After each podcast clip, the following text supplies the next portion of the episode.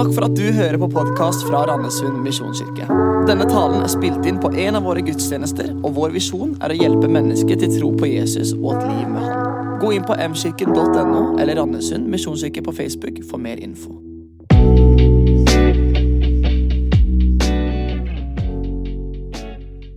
Vi er i den fjerde søndagen med Til og fra. Det er noe med disse gavene her. Og dette bygget kjenner mange av dere. Taj Mahal, mausoleum i byen Agra i Nord-India. Det ble bygd av en stor mongul som hadde mista sin kone. Han hadde mange av dem. Hun var den andre. Ga han 14 barn. Men han bare elsket henne mer enn noen andre.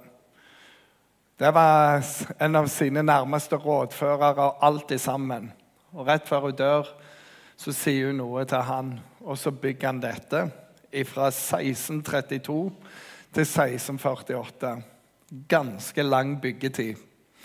Og Senere brukte han enda mer tid, helt til 1653, på området som er rundt. En markering av en kjærlighet som fortsatt står der den dag i dag og er på verdensarvslista. Det er helt utrolig.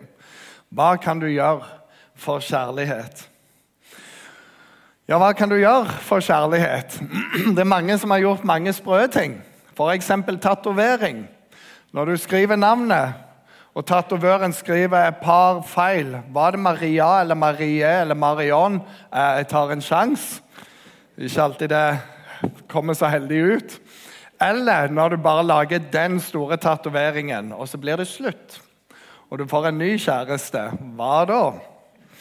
Og Hvis tatoveringen da er på en plass der du alltid kommer til å se den Eller du flytter, hvis du er student, flytter etter kjæresten din til studiestedet, begynner på en master, fem år, og så kan du ikke flytte derifra pga. studieløpet, men forholdet blir slutt, og du har fire og et halvt år igjen av studiet det er ikke alltid en opptur.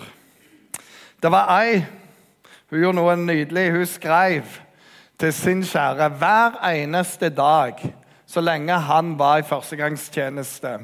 Skrev hun brev. Dette før tekstmeldingstiden, og det er litt søtere å få brev. Hver eneste dag skrev hun brev til han. Ei annen hun var redd for at uh, typen skulle slå opp, så hun lot som hun var gravid. En stund.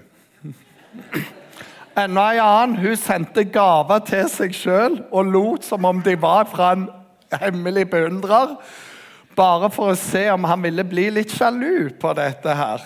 Jeg vet ikke om jeg anbefaler det. På den mer søte fronten så var det jo en som fløy fra England til Australia på overraskelsesbesøk. Bare for å finne ut at kjæresten hadde reist fra Australia til England på overraskelsesbesøk. Det er ikke alltid like bra. Og så var det da disse som kom fra hele Norge og resten av verden og fant en sørlending. Og så flytta de til Sørlandet. Det er mange sprø ting folk har gjort fordi de elsker noen. Kjærligheten gjør blind.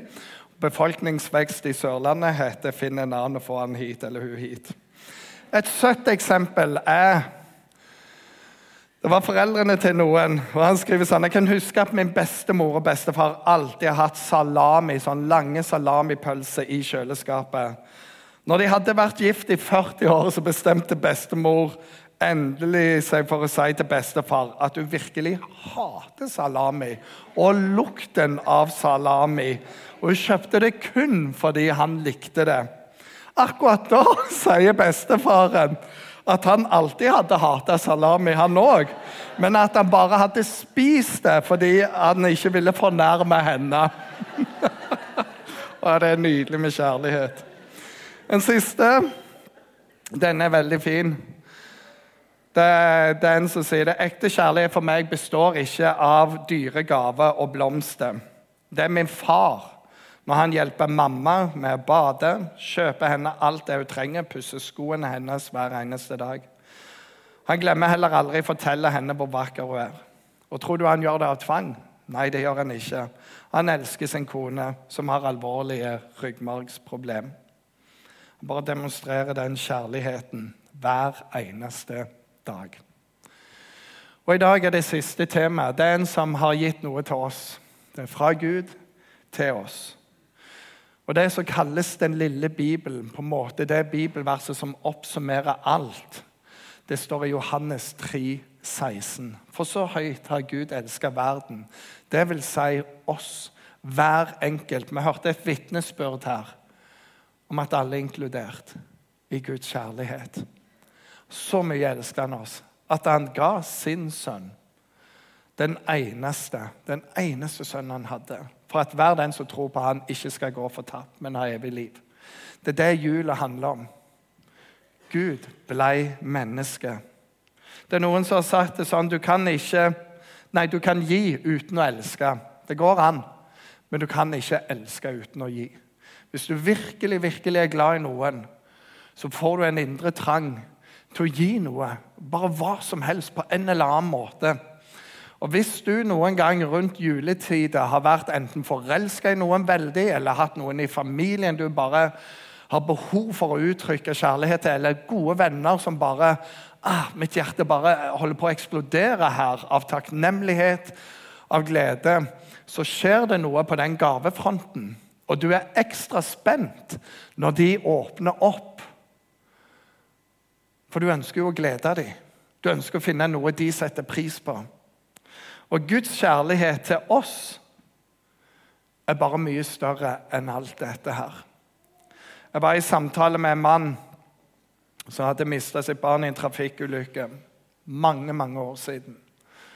Han sa det, det er, det er foreldres rett å dø før barna sine. Det er foreldres rett å dø først. Og Denne sorgen bar han med seg. Og så er det noe med denne kjærligheten fra Gud til oss. For En ting er å gi sitt eget liv. En helt annen ting er å måtte stå på sida den som sier jeg, jeg gir mitt liv. Så, men jeg gjør det istedenfor. Men det går ikke. Det, det, er bare på et annet nivå. Det står noe nydelig i romerbrevet.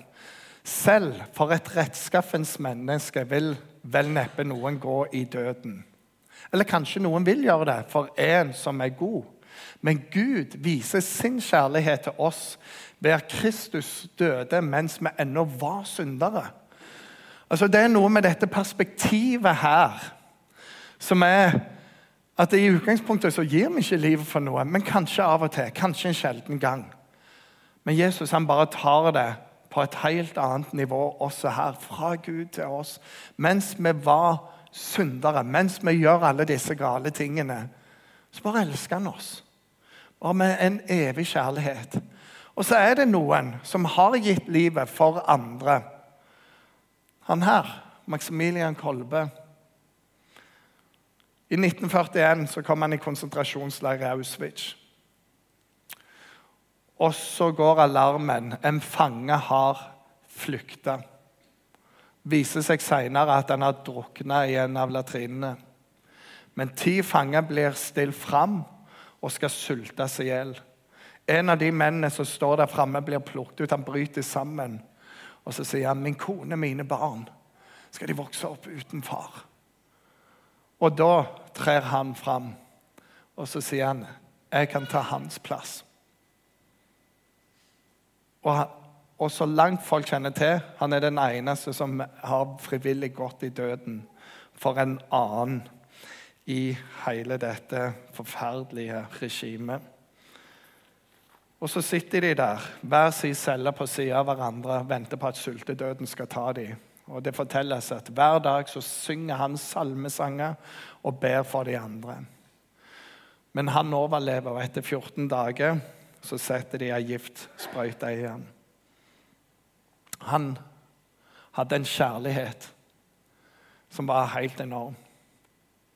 Og så er det et lite bilde av hva Gud gjorde for oss. Han tok vårt sted. Et par sitater som er med her. Gud elsker hver og en av oss som om det bare var en av oss. Det er det som er så utrolig. Han elsker hele verden, men han elsker deg. Han elsker meg som om det var en av oss. Han gikk i døden for alle, han gikk i døden for meg. Og Gud elsker oss ikke fordi vi er verdifulle, vi er verdifulle fordi Gud elsker oss. Vår verdi hentes derifra. Med evig kjærlighet har jeg elska deg. Derfor lar jeg min miskunn mot deg vare. Det er bare noe helt enormt i dette. Mot slutten her står det noe nydelig. Det er folk som vandrer i mørket, ser et stort lys. Over dem som bor i dødsskyggens land, stråler lyset fram. Du lot dem juble høyt og gjorde gleden stor. De gledet seg for ditt ansikt, som en gleder seg over kornhøsten, som en jubler når krigsbyttet deles. For åket så tynget, stokken over skuldrene og staven til slavedriveren har du brutt i stykker som på midjens dag. Ja, hver støvel så trampet og hver kappe tilsølt med blod skal brennes og bli til føde for ilden. Og så er spørsmålet hva kommer etterpå her? Dette. For et barn er oss født. En sønn er oss gitt fra Gud til oss. Herreveldet er lagt på hans skulder. Han har fått navnet Underfull rådgiver, veldig Gud, evig far og fredsfyrste. Han ga sin egen sønn til oss. Og som alle andre som er glad i noen, så kommer vi med en pakke. Så er det noe du håper med den pakken. Det er at du tar den imot. Og du åpner opp og ser som vi var inni og finner ut at den er gitt i kjærlighet til glede for deg. Men det her med Guds gave til oss vil jeg ta imot. For han har gitt deg alt. Vil du åpne han, vil du ta imot det han har å gi. Vi hørte i vitnesbyrdet om et profetisk budskap som ble gitt av en evangelist til Helene Sofie sier jeg bare kjenner hvor høyt Gud elsker deg. Og det er en sannhet, fordi han demonstrerte det. Gud ble menneske. Og han tok bolig blant oss. Og Det er den kjærligheten han har til meg, og det er den kjærligheten han har til deg. Men vil du pakke det opp? Og måten du pakker det opp, det er å si ja til Jesus. Skal vi be sammen? Himmelske Far, jeg takker deg for det at du sendte din eneste sønn til oss. Og Vi kunne fortalt historie etter historie om utrolig kjærlighet. Og så er dette bare større likevel. Du ga din sønn, og Jesus, du ga ditt liv for oss. Du kom til jord, blei menneske, tok bolig blant oss. Du synda ikke, men du tok all synd på deg.